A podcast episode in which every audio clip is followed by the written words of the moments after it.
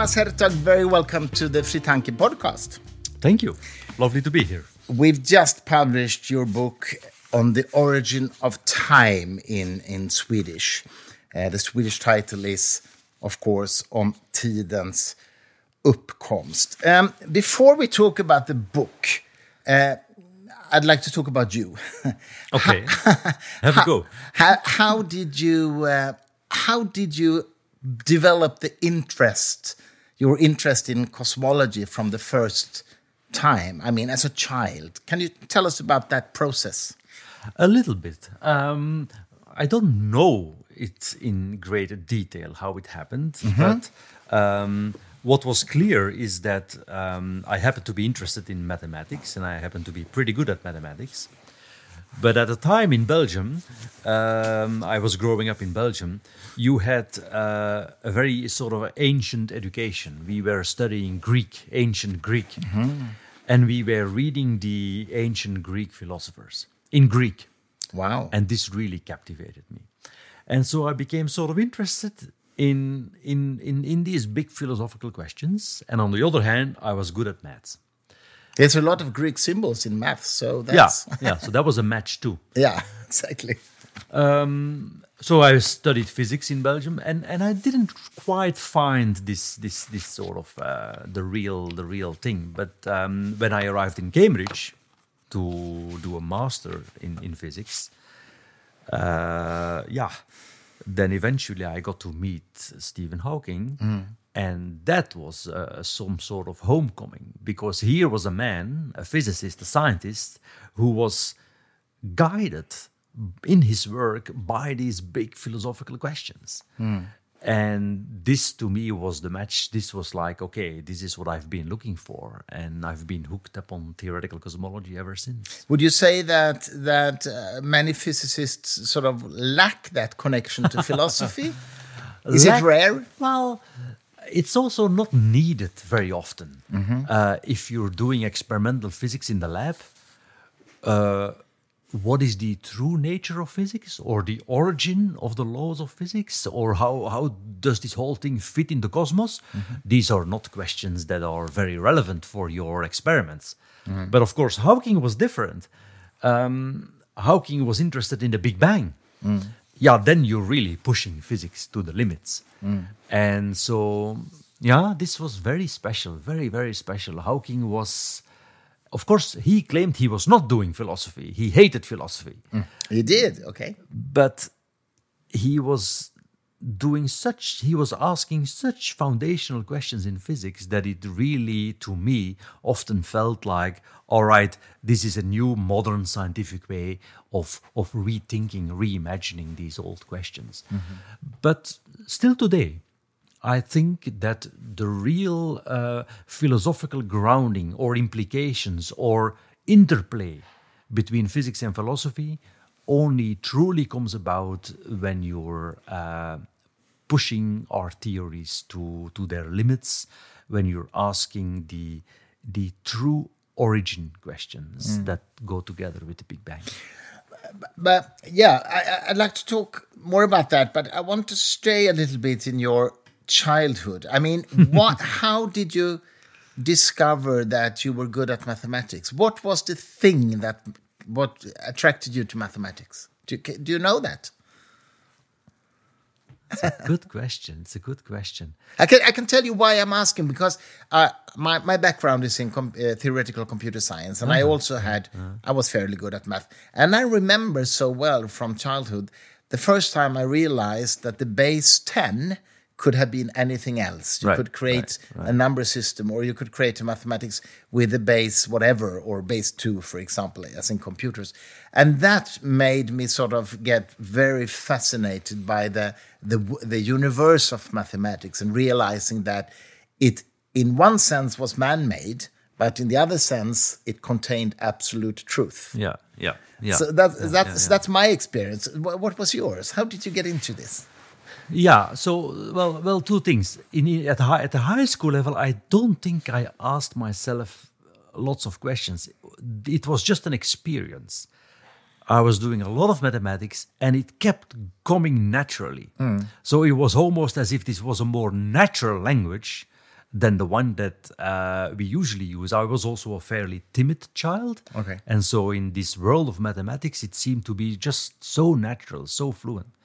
But then the real sort of yeah game changer for me came in in the bachelor studies in physics where i learned einstein's theory of relativity and that connection between geometry on the one hand and and and the physical the physical world that totally that was mind blowing to me Wow. Okay. um, I see. I remember I was I was reading uh, a textbook on general relativity before I took the course. I was reading this over Christmas, and this was like just the mind, the most mind blowing Christmas vacation I've ever had, because I would just have never thought that this abstract geometry you can do pure mathematics with shapes and and, and forms and, and and and angles that this would just yeah that gravity would just flow from this this was uh, Wow. this Yeah, was the this was the experience that that sort of Who wrote that book on general relativity? that I was reading Yeah. it was um I think it was. Uh, I think it was. So this must have been. Uh, this must have been uh,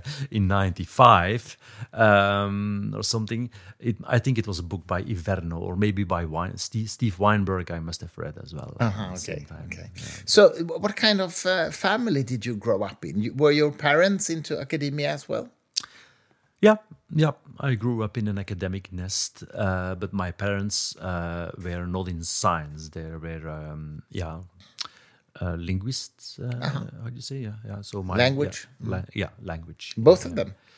Uh, both both were working with language. Yeah, my dad was um, uh, working as a professor in English literature and all that, and my mom was um, a speech therapist. That's really interesting because normally So mathematics was my own universe, if you wish. yeah, that yeah, that, that was what I was thinking. Normally, you you tend to see, I think, that there is quite a divide between the humanist studies and and the science studies. Mm-hmm, Uh, they they rarely connect, but in this case, you, you came up to this Mm-hmm, Yes, very. I guess linguist- so, Yeah, yeah, yeah, it's yeah, fascinating. yeah, Okay, and then okay, then you came to Cambridge and got to work with Stephen Hawking. I mean, the first thing that comes to my mind is, wasn't it very uncomfortable to work with someone who you couldn't really talk to Oh, yeah. because of his uh, illness? I mean, Sure, sure. So he had already lost his voice Yeah. by then. So he was talking to this through this computer voice. Um, but you know what? If I would have met Hawking in the 80s, when he still had his natural voice, I would not have been able to work with him because I would not have understood him. Only a few native speakers could understand him. And now he had this electronic voice, and in the 90s, uh, he could he could uh, steer this electronic voice very well, fairly fluently. Of course, not like we're talking now, but I had a lot of so he, he he was able to sort of communicate fairly fluently in these first few years. Um, so and of course I had all the time. So what was going on? Stephen was Stephen was a brief history of time had been published 10 years earlier. Stephen was back into research.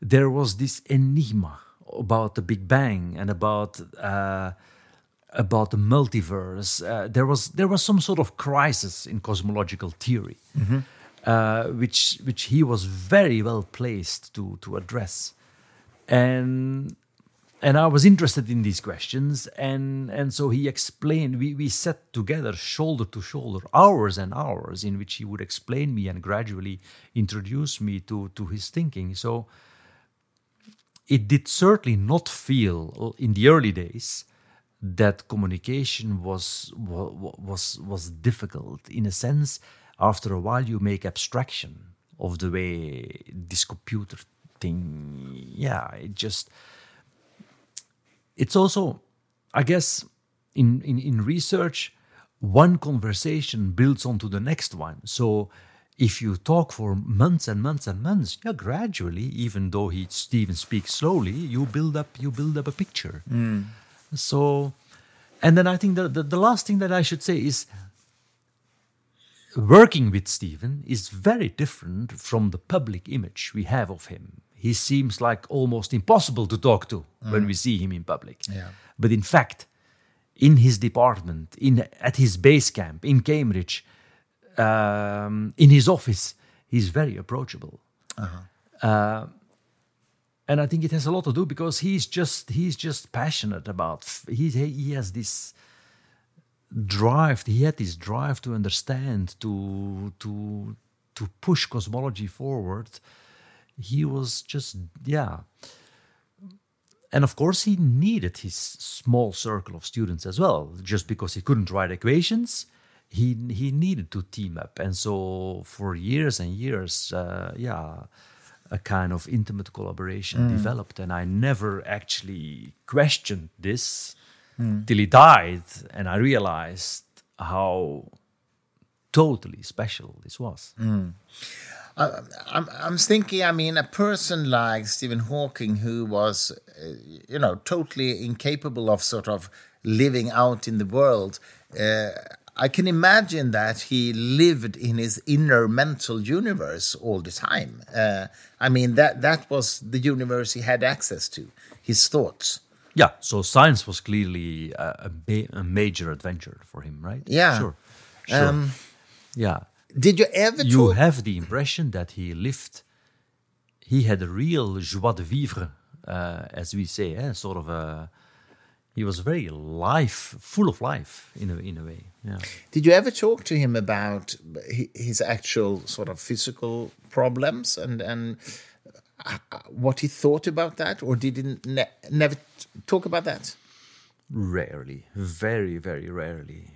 Uh, Once in a while, of course, um, but I quickly realized that um, science and research and the drive that comes with it was Stephen's way to to to go on To live, yeah. and to live and to, in some sense, forget about all that hassle. Yeah. I vividly remember that I early on, once I visited him in the uh, intensive care unit of the hospital in Cambridge after some sort of operation he had had. And so I started asking how he felt.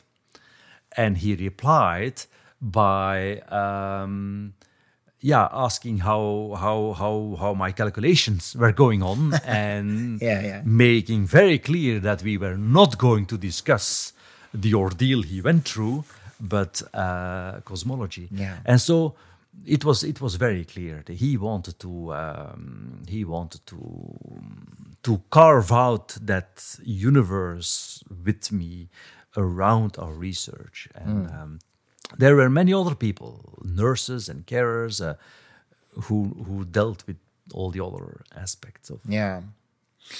Would you say that he is sort of one of the greatest thinkers in this area in modern times, or or or has media lifted him up too much uh, as a symbol? What's what's your view? well both Yeah. yes yes on both fronts Okay. I do think he's one of the great uh, physicists of our time. But then, of course, on top of this, um, um, something more than that has been created. Yeah. Which I think, on the one hand, he enjoyed because he enjoyed communicating, right? He really enjoyed sort of. Uh, yeah, I think he had this some sort. He had some sort of maybe he had some sort of cosmic humanism like all right we're gonna have to figure out uh, our roots as deeply as we can and that's gonna and that's gonna that's gonna that insight is gonna is gonna shape our worldview so i think he his drive to communicate was was was was deep was strong. But then of course um in the public image of Hawking does not make it it gets blurred. His science his handicap his persona his yeah yeah. Yeah. yeah so that's uh, i don't know that's for Do- someone else to analyze. Did you uh, did you ever get uh, uh, an idea of his more what you what would I call it existential view of life was? I mean, did he have any concept of a god or anything like that, or would he define himself as an atheist, or what? What, what do you think he sort of basic views on that was. Oh, yeah, um, more towards the atheistic uh, Yeah. Front, right? Yeah, yeah. Um, no, no, no, not much, not much God in in, in his life. Uh, in his equations. in his equations, no, no. Uh, well, his equations, perhaps he thought of as the mind of God for a Yeah, while. Yeah, yeah.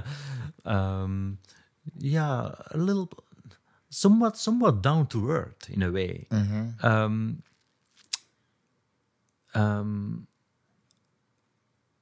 but yeah, so what I liked about him was was uh, a sort of optimism in, in, in, in the here and now, right? Uh, an optimism in life, uh, but an, an optimism in science, but not too much beyond. Uh, not too much beyond that. Uh, maybe he, maybe it's obvious, right? I mean, he was so ill, so difficult. Uh, what what other philosophy of life could you have than just uh, get on with it and try to make the most of it? I think some that that's the no that's the later Hawking that I that I've known. yeah. Yeah, How many how many years did you work with him before he, he died? 20, Twenty years. Oh, that's a lot. 1998 till 2018. Yeah, that's a long time. Well, uh, I mean, when you in the beginning, when you started to work with him, was he more mm, sort of movable at that time? Could you? Oh yeah, yeah, yeah, yeah. Okay. Oh yeah, yeah, yeah. There was a huge game changer. Uh, five, six years into our collaboration. In the beginning, yeah, I, I, I've, fond memories of that that that time because there was one hand placed around the mouse with which he directed his speech synthesizer, and the other hand was placed around uh, the steering knot of his wheelchair. With these two hands put carefully in place, he was so free because he could seek out uh, people he wanted to talk to. Uh, he could move around. He could. He would walk. He would drive home from the department. Yeah, uh, this this this worked really well. The problem came when um, the muscles in his hands weakened, and the whole thing had to be reimagined. And um, later, so he spoke through uh, controlling a, a, um, a detector near his cheek, uh, and but this was never safe enough to drive. So he had to be driven in his wheelchair. Uh, he could no longer talk while he was while he was having lunch, which previously were were like prime time for discussion, and so that was the difficulty. Yeah. The, in the second stage, uh, conversation was more limited, was confined to his office. He, he was constantly at risk of becoming very isolated in Mm. that second stage. And the only way, as- at several points, I thought, okay, this is this is the end. We cannot continue like this. But then we realized, and I think he was surprised too, that yeah, we had been developing a kind of uh, mutual understanding, a kind of we found ourselves, I think, much more on the same wavelength in these later years, and so we could continue with uh, fewer words. But uh, no, no, the early years of our collaboration were very dif- different from the later years. Yeah, I understand. Okay, um, your new book on the Yeah. origin of time. Could you just, for those who haven't read it yet, could you just give a brief description of what the book is about? What What do you present here?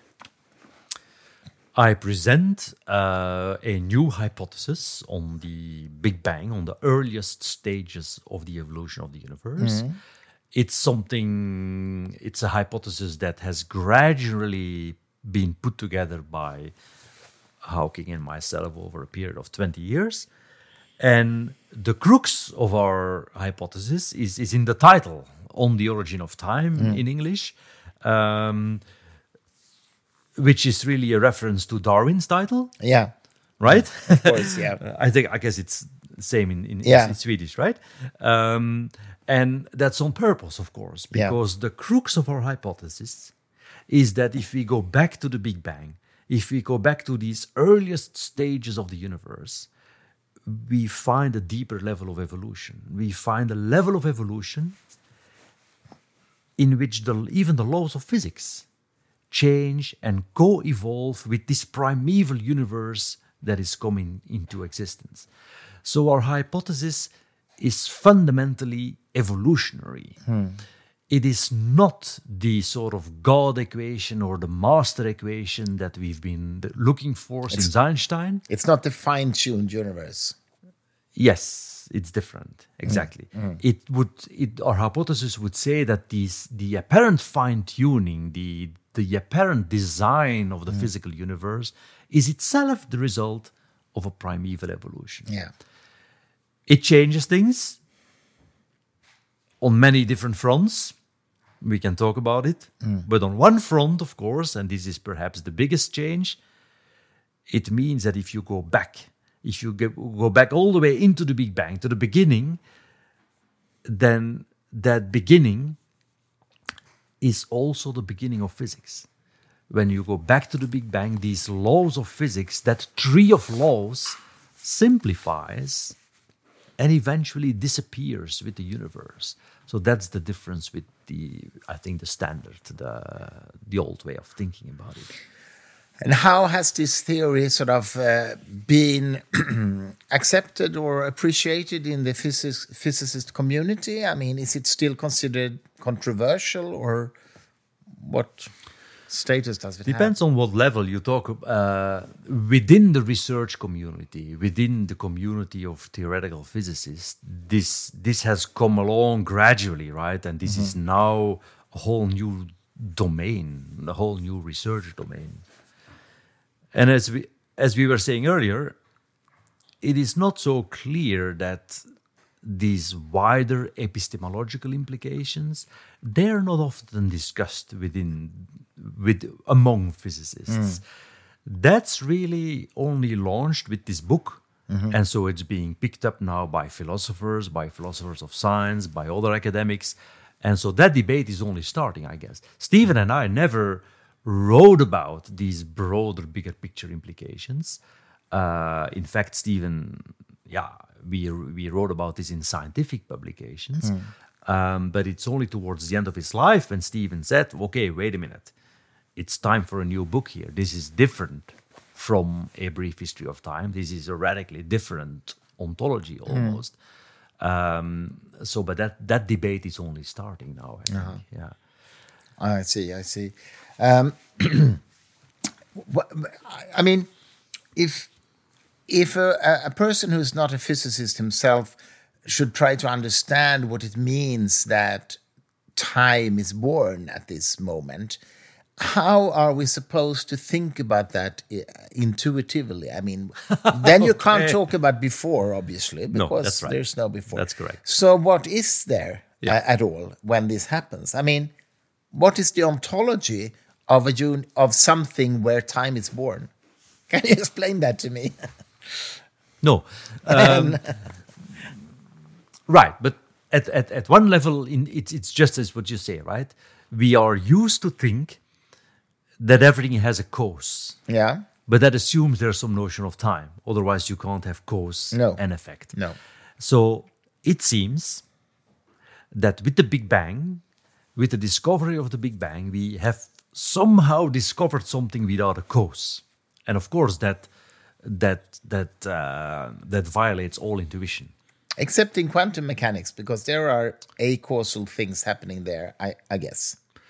Well, our hypothesis is firmly based on quantum theory. So, indeed, it's only in the context of applying quantum theory to that early universe Okay. that you can. Uh, so, maybe what is happening, but now I'm sort of trying to interpret my equations, right? Yeah. Maybe what's happening is that whatever came before the Big Bang in a quantum universe is completely lost in uncertainty. You see, classical physics is deterministic. Yeah. It's very cause effect based. Yeah, of course. Yeah. Um, and that kind of classical thinking breaks down at the Big Bang. That's a very famous uh, result of, of, of Einstein's theory. But quantum physics has uncertainty built in. It's very strange. Quantum theory is a, is a theory of what we can know, but it's also a theory that tells us what we cannot know. uh, we can't know the position and the velocity of a particle at the same time. at the same time. no. Um, and and even a particle, as long as we don't ask what its position is, it doesn't quite have a position. It has possible positions. Yeah, yeah. So there are these limitations of what we can know. And it's not only what we can, I mean, it's not only epistemological limitations, it's ontological limitations, right?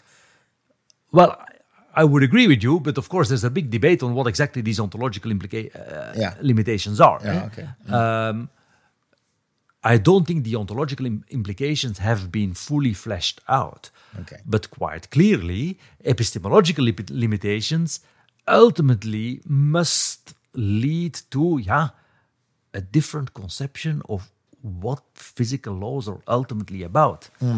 Um, and that's that's that's yeah, that's kind of what Stephen and I were after.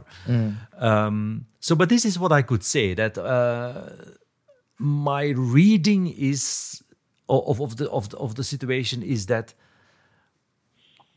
because of quantum uncertainty, or, or that quantum uncertainty limits, uh, sort of takes over at the Big Bang, and prevents us from saying anything tangible, concretely, causal about what came before.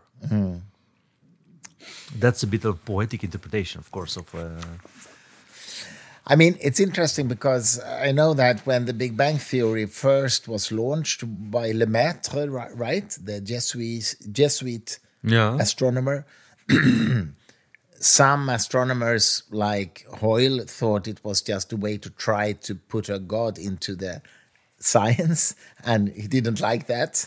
Yeah. Uh, uh, Lemaitre himself was quite clear that it shouldn't be mixed with religion, but I mean, I think some people thought it thought of it as a creation story. Sure. Uh, sure. But Some people thought about it causally, Yeah, and that brings you to a creation story. e- exactly, exactly. And so I think Lemaitre was trying to say that we should think that we should be more open-minded in a way yeah, and not take causality too seriously. yeah, yeah, exactly. And and and and what you do, what you do with your theory is to say that it was a not an a a causal beginning. Yeah, but the consequence, of course, is that um, you are then let once you accept. So this is indeed what comes out of our theory that there is no that it's a genuine origin, an origin in which time disappears, and with that disappearance, also the very notion of physical laws disappears.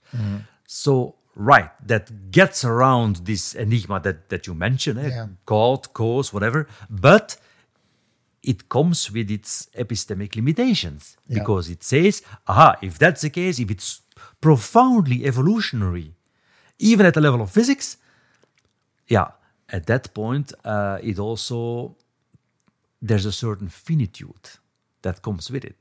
You do not find the ultimate uh, transcendental mathematical answer there. No, I see what So you it's mean. a different. Uh, But would you also picture. say that uh, it explains? It's an argument against the fine tuning argument. I mean that it could have happened many, many times before with different uh, sort of parameters uh, where life never developed, and but in this case they were they were perfect for life. So it's just in that sense, it's not it's not a miracle in that sense. That's It's- right. That's right. Is That's that right. what That's you right. Yeah, yeah, yeah. So if you then zoom into this on on in into this, if you then zoom in onto this early evolution, you see uh, a sort of branching process of different forces, different particles, and it, there's a random element to it. Yeah. It could have turned out differently, Yeah. and, And could does. it, did it also do that many times? You I don't. I don't think so. I do not think this is implied. Okay. Uh, that's the key difference with sort of the standard multiverse thinking. okay. So this is not a multiverse theory in that sense. Not in that sense. Not in that sense. Uh, Okay. If you wish, where are the other universes? They're also lost in that realm of uncertainty. Uh-huh. They could have been there, but they do not play any role in sort of the scientific framework the cosmology to describe this universe. So the laws are contingent on our perspective within the universe in our hypothesis. Okay, but how how would you explain that? Just like just like Darwin, yeah. even though there is probably life on other planets, it doesn't play any role in Darwinian evolution to describe the tree of life on this planet. No, that's right. That's the kind of yeah, similar. Yeah, I see what you mean. Uh, but what would you uh, what would you say to someone who says why why does this universe have the perfect parameters set for life? Yeah. What would your answer be?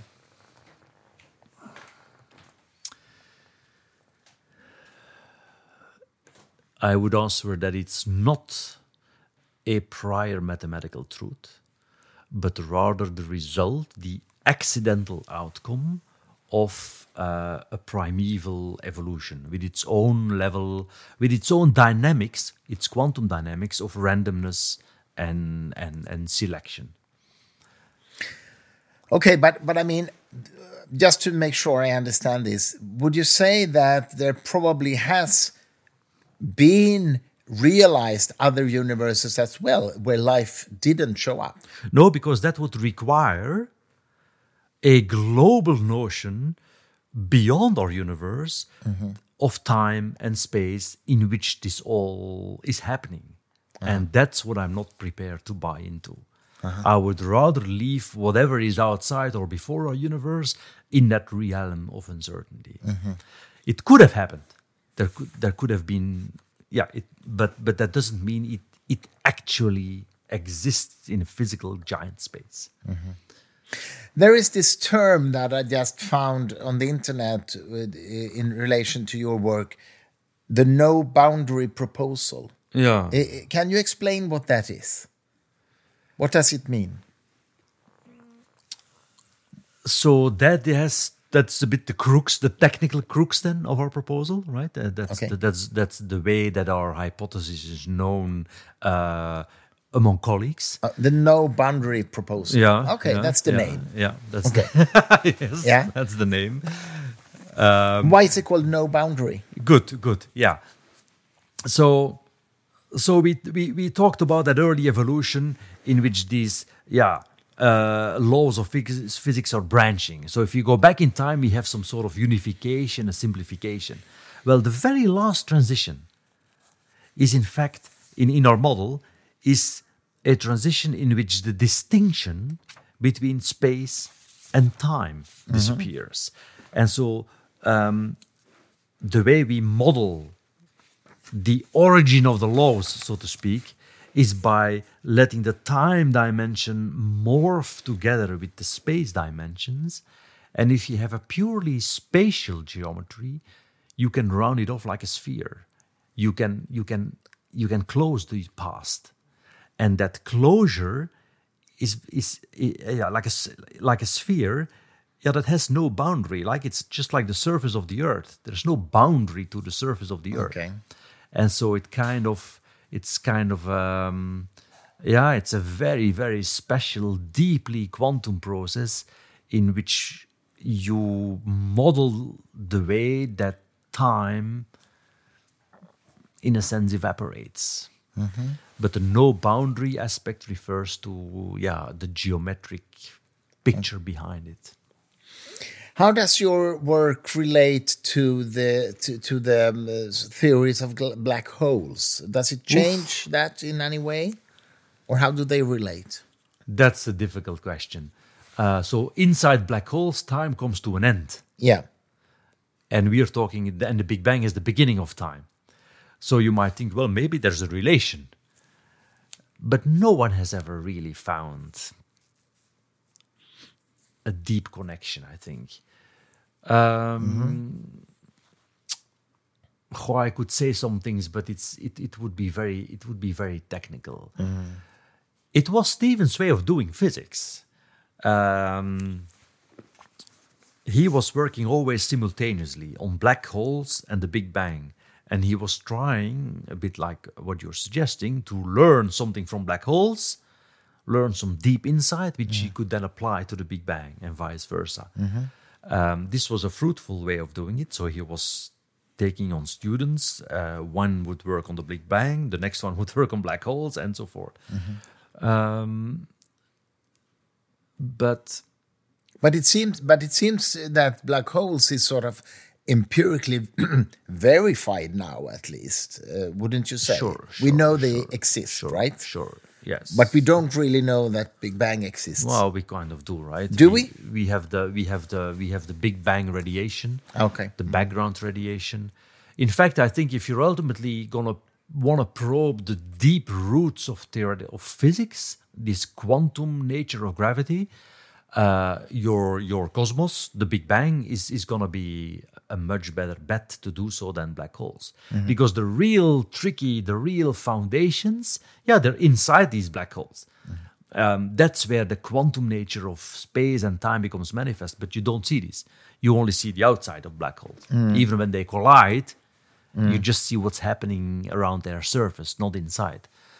But in the Big Bang, the Big Bang is in a way all around us. We are the remnants of the Big Bang. Mm. And so this gives me hope that eventually we can test the kind of hypothesis that Stephen and I developed. Of course, not with light. We can see far into the universe, we can mm. see far back in time, but, but we- we can't see all the way back to the beginning because the, the earliest stages of the universe are, are opaque. But for instance, with say gravitational waves or so, you can hope to really sort of see all the way back to the beginning. Um, no, no. My feeling is that cosmology um, and the earliest stages of the universe are our best bet to really probe the fundamentals of these uh, theories. How does your theory relate to string theory then? Are they compatible? They're very much connected. Yes, They're yes. connected. Yeah, yeah, yeah, yeah. So you, you would say you're a string theorist. I mean, Yeah, you kind of. support string, string theory. Well, out of string theory, one discovery of string theory is um, is what is known as the holographic nature of gravity. Eh, so the idea that gravitating systems like black holes have certain properties of a hologram. Well, uh, that discovery of string theory plays a central role in in in in in, in, in my work with Hawking. So so yes, I wouldn't say I'm buying into all into all aspects of string theory, but I'm certainly we're certainly in tune. Okay. We're cer- yeah, it certainly it resonates. Because uh, a few years ago I had Lawrence Krauss as a Ah, guest, ah, and ah, he seems to not believe in string theory. At Okay, all. I see. I see. Have you talked to him? Uh, not in a while, not in a while, years ago. Um, but I don't know what his reasons are for. No. I mean, in the bigger picture, string theory has had a huge problem uh, to connect to the real universe. Right? It's it it stands as a, as a, as a, as a wonderfully intricate mathematical framework, but where's the physics? Yeah. In a bigger picture way, you could see our hypothesis as perhaps the prime way to connect string theory to cosmology. We are borrowing, we are exploiting this, this gigantic idea that the world could be a hologram, and we are we are we are applying, we are using this to really model the Big Bang. Um, so, evidently, in doing this, we are stretching string theory and what's known about it. So, a die-hard string theorist will say to Hawking and me, "You guys are reckless," but that's of course exactly what Stephen liked to be. Um, but on the other hand, yeah, what this shows is that um, what this shows is that string theory can be really, yeah, can potentially be really useful to describe the early universe where we before we had all these paradoxes. Um, so that's what I would say. Yeah. But um, from a sort of meta scientific perspective, isn't it a problem uh, when you have theories that is sort of impossible to empirically Yeah.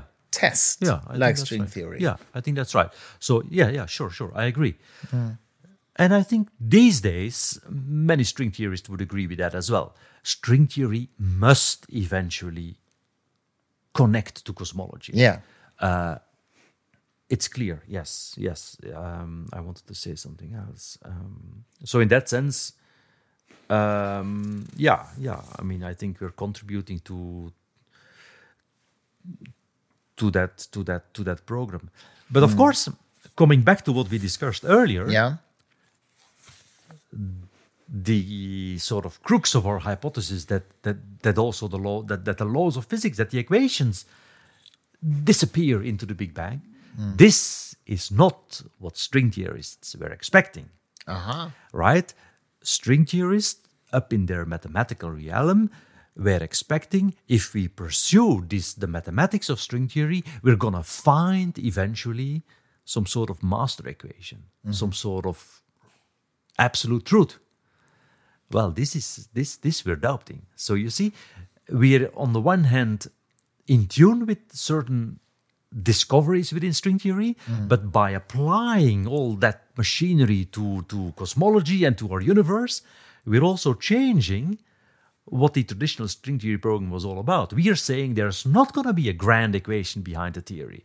There's going to be a profoundly evolutionary understanding of uh, our universe, which is contingent, furthermore, on um, our perspective within this within this universe. So it I does see. change. It's it's it, it's it's interesting. Um, um, Would you say that do are there any advances in in technology or like for example the improved telescopes or particle colliders or anything that in the near future would impact the field of cosmology are there things happening that you find exciting on that Yeah. that area Yeah, and what, sure. what what are those Sure.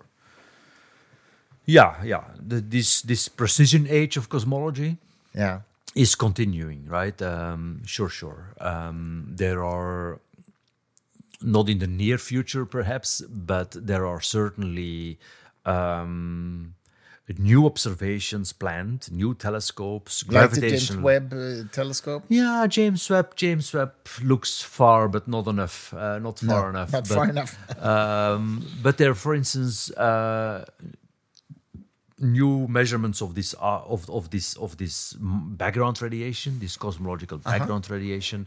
There are new gravitational wave observ- observatories planned.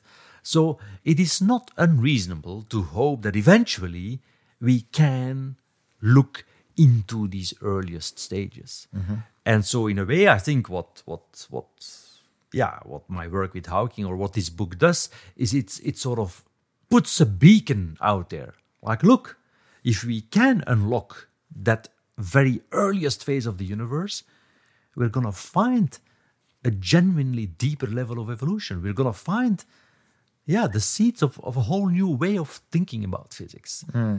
Um, but of course, it's these are giant arcs. I mean, the the transitions from from theories to experiments and observations and testing these in physics they have become they have become very very long. Right now with these gravitational waves, we are testing Einstein's theory of Yeah. a hundred and of a hundred years ago. yeah right? yeah true true So, so, but, uh, what you see, small traces of the evolutionary character of the of physics, small traces, for instance, of changes in the dark energy, those would already be hints that there's something going on. Um, so I think it'll, it'll it's possible. It's possible. tell me, I must ask you, uh, the, the, you know, the last year's uh, Nobel Prize in Physics about entanglement, you know, Zeilinger and Clauser and Aspect. What does entanglement as a phenomena tell you about the nature of reality? I mean, do you consider it? Do you consider it a proof of, of non-locality on a more general level? Sure. sure. you do. Yeah, yeah. So, in fact, I briefly mentioned that um, the actual uh, the, the, the models of, of the Big Bang that that that they that they work as a hologram. Well, those holograms are quantum systems uh, with lots of entanglement. So now we're talking about the future, but I see a connection growing, a link between, on the one hand, quantum information, quantum computing, and on the other hand, cosmology, quantum cosmology. To the extent, even, that I'm beginning to think that the whole universe is some sort of quantum computer, which makes a lot of use of quantum entanglement, because that is the way uh, to store, as you say, information non locally. Ah, it's a very fascinating connection, which we've only seen the tip of the iceberg. Yeah, yeah, I find it extremely fascinating. I talked recently uh, to a quantum physicist, uh, quantum computer physicist, uh, Scott Aaronson, Yeah. uh, American, and he explained to me that, uh, which I didn't know, that many kinds of mathematical problems are not uh, fast, uh, f- solvable faster with a quantum computer than a classical computer, but there is a certain class of mathematical problems that they solve un- extremely much faster. yeah, yeah, yeah, Uh, So the question is: Is the universe like that? exactly. Yes, yeah. that is, I think, the question for the future. Yeah, yeah, yeah, Absolutely. Yeah. And and I, I- I found that so fascinating because I mean some people thinks that quantum computers would sort of solve everything, and he said no, no, no. They, there's a lot of problems they can't solve faster. Sure. But certain problems, like the factorization into prime factorization, for example, it does so much faster that it's almost unbelievable. Anyway, okay, so so okay, that's very interesting. Okay, a final question: uh, Do you think that? Do you think that we ever will get an answer to the question why anything exists at all instead of nothing? Well, um, I was afraid you would ask that question. um, because if I take it at face value or hypothesis, it kind of suggests no. It, it's again this. It's again this finitude. It's again this idea. Wait, wait, wait. If the laws of physics even disappear, it means there is there is this limit to what we can know. Um, and in fact, someone like Hannah Arendt, Yeah, the philosopher. the philosopher, would have told us that we should have expected this. How can we expect, as uh, agents within the universe, here on Earth, to get purely objective, transcendental truths?